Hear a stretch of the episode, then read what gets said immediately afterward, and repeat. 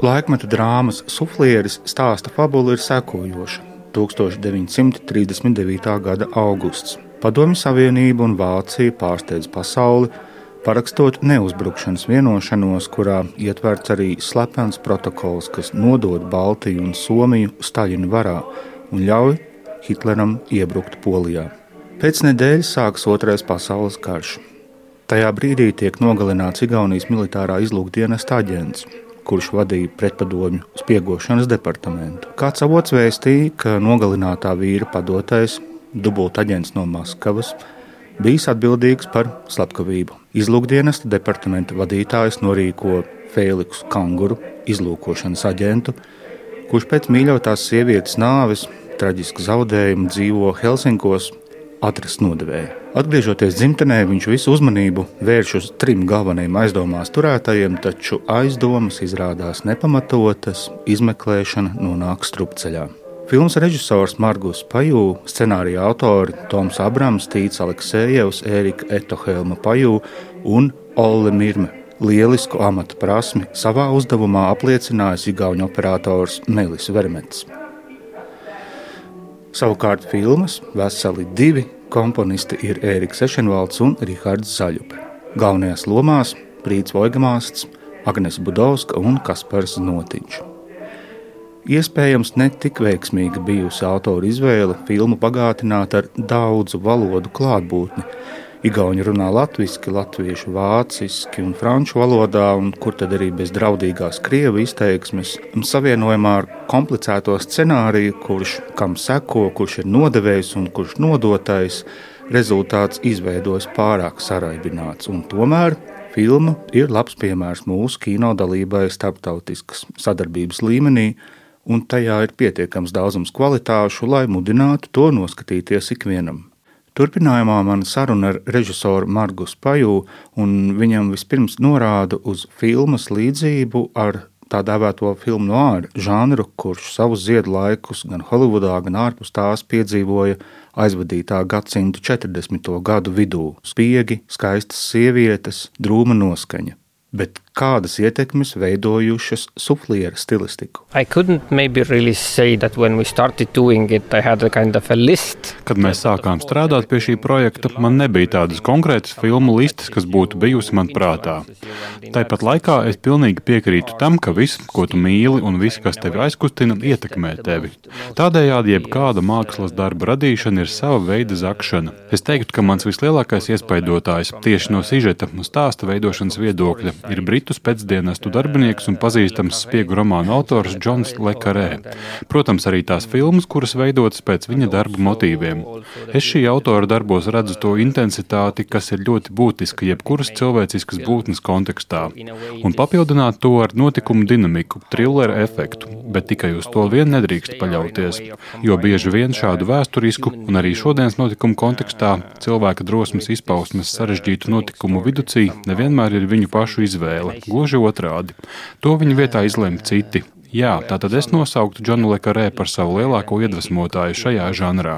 Obvious, yeah, Kā Margus Pajūra raksturotu sastrādāšanos ar plašu profesionāļu loku no vairākām valstīm? The European filmmaking is a lot about cooperations uh, nowadays between all the Šobrīd Eiropas filmu industriju visvairāk raksturo tieši koprodukciju veidošana. Sadarbība starp tām valstīm, kuras mēs varētu nodēvēt par aktīvajām kino industrijas valstīm.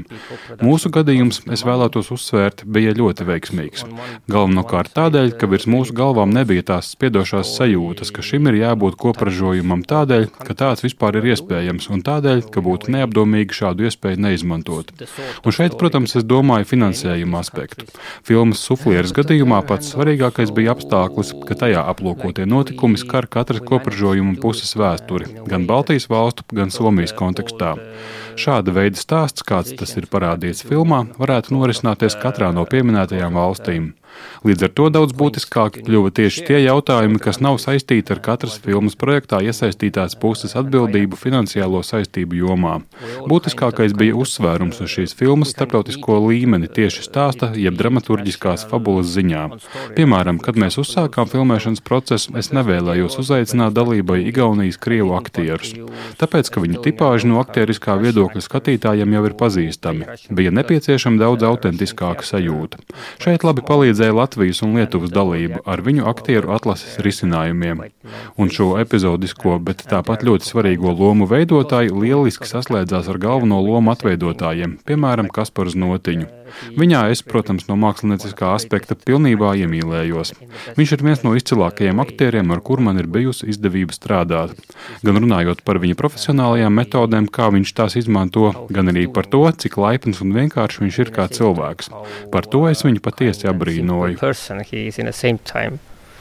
really like admirable. Lūk, arī paša Kaspars Notiņa redzējums uz filmā paveikto viņa loma Ivans Kostrovs, augsta ranga politikas darbonis, kurš veido dubultu dzīvi ne tikai profesionālajā, bet arī privātajā dzīvē. Es vēlējos tev pajautāt par tava varoņa divplākšņa raksturu. Un, protams, tas varbūt nav labākais apzīmējums, bet nu, tās plāksnes ir divas tajā ziņā, ka tu šajā darbā arī savā tēlojumā parādīji to, ko tu vēlējies parādīt savai mīļotai sievietei, un to, nu, kas ir tavs uzdevums, kur tu esi iepinies, ja tā var teikt. Un tas rada šo dramaturgisko spriedzi. Vai tas tev bija? vienkārši paņemams uzdevums, vai tomēr tev bija jāpameklē, kā starp šīm divām pozīcijām darboties? Varbūt man palīdzēja tas, ka es tiešām dzīvoju arī Krievijas informatīvajā telpā. Es ļoti daudz patērēju Krievijas, nu, pārsvarā tomēr opozicionāros medijus, bet, eh, nu, it kā man nav noslēpums, kaut kā tas viņa domāšanas veids. Katrā ziņā man ir priekšstats par to savs, un, ja tu runā par to tēla divplākšņainību, tad es teiktu, un es to tā arī būvēju, šis tēls ir trīsplākšņains. Tur, tur no sākuma tu sadali viņu. Tas trīs. Tā viens ir tas pamatdarbs, ko viņš, bet es nedrīkstu arī pārāk skatītājiem uz priekšu Droši, to uh, sabojāt uh, intrigu. Bet uh, viņš ir trīsplākšņains, šis tēls un tas, ko es par šo tēlu drīkstu atklāt pirms filmas skatīšanās, ir, uh, ka ir tas cilvēciskais faktors manā tēlā nospēlē lielu lomu, jo, nu, kā, protams, ir runa par spēcdienestiem, bet, nu, kā jau šī žanra filmās, vai ne, kurā brīdī parādās tas cilvēciskais, tai skrūvītei, tam ķieģelim tajā sistēmā, vai tas būtu Krievijas spēcdienests vai Igaunijas spēcdienests, un, un, un viņam taču ir jāpild tā funkcija, un viņam perfekti būtu jāstrādā, bet kas ir tas brīdis, kur pēkšņi skrūvīte salūst? Jā, tas bija interesanti meklēt šos momentus. Jā, arī tāds, kā mēs, kā mēs paši šeit šobrīd arī ne, ceram uz kaut kādu to, ka tur kaut kur tā skrūvīte kaut kur saplīsīs svarīgā brīdī. Kāda bija tava pieredze nu, šajā daudzveidīgajā uzņemšanas grupā. No vienas puses, tā kino filmēšana ir uh, atkal jau sistēmas lieta. Tur ļoti svarīgi, lai sistēma strādātu perfekti, ātri. Un, attiecīgi, viss ir diezgan unificēts, ja varētu pat tā teikt. Eh, mēs sas, satiekamies, mēs kaut ko izmēģinām, mēs kaut ko sarunājam, un mēs filmējam. Dublis viens, dublis divi, dublis trīs, un viss tiek sagatavots. Tā sistēma ir vienāda, tāpat kā šeit Latvijā, kā Igaunijā. Nu, kā faktiski visā pasaulē. Tādā ziņā nekas tas oriģināls tur nav un nebija. Bet, uh, un tā komanda, kā operators, ir Igaunis, bet viņam visa komanda, jo operators nāk ar savu komandu, visi latvieši. Turklāt tie latvieši, kas ir mācījušies Igaunijas kinoskolā. Un, nu, tur es jūtos attiecīgi diezgan jau pierast, jo tad, kad šeit Latvijā filmē, tad arī bieži vien tā filmēšanas komanda ir internacionāla. Bieži vien tik pieaicināti profesionāļi no Igaunijas, Lietuvas, uh, citām Eiropas valstīm. Un vēl ja par tādiem tā kā novērojumiem man ļoti labi, protams, izveidojās sadarbība ar režisoru Margus Spāju, Nu, tu jau pats viņu intervēji, tu redzēji, viņš tāds pat necils, neliela auguma puisis, ļoti kluss. Viņu pat nevar pamanīt filmēšanas laukumā. Bet tas darbs, ko viņš paveic, ir nu, iespaidīgs. Kaut kā, nu, ja būtu jāfilmē filma vai ne par kaut kādu režisoru, kurš taisa kaut kādus milzīgus projektus, tad viņš būtu izcils tipāžs, kur tāds klusiņām pa maliņu, gan arī tāds peles tipa cilvēks izveido kaut kādu tādu milzīgu kalnu. Pirms manas sarunas ar Agnēs Budovsku neliels fragments no paša filmas iesākuma, kurā aktrises varoni, mākslas zinātnieci Mariju Dubrausku dzirdēsim čekas pratināšanas epizodē.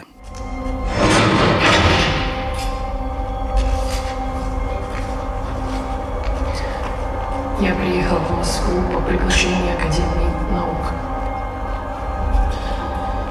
Я искусствовед и работаю... Мы знаем, на кого вы работаете.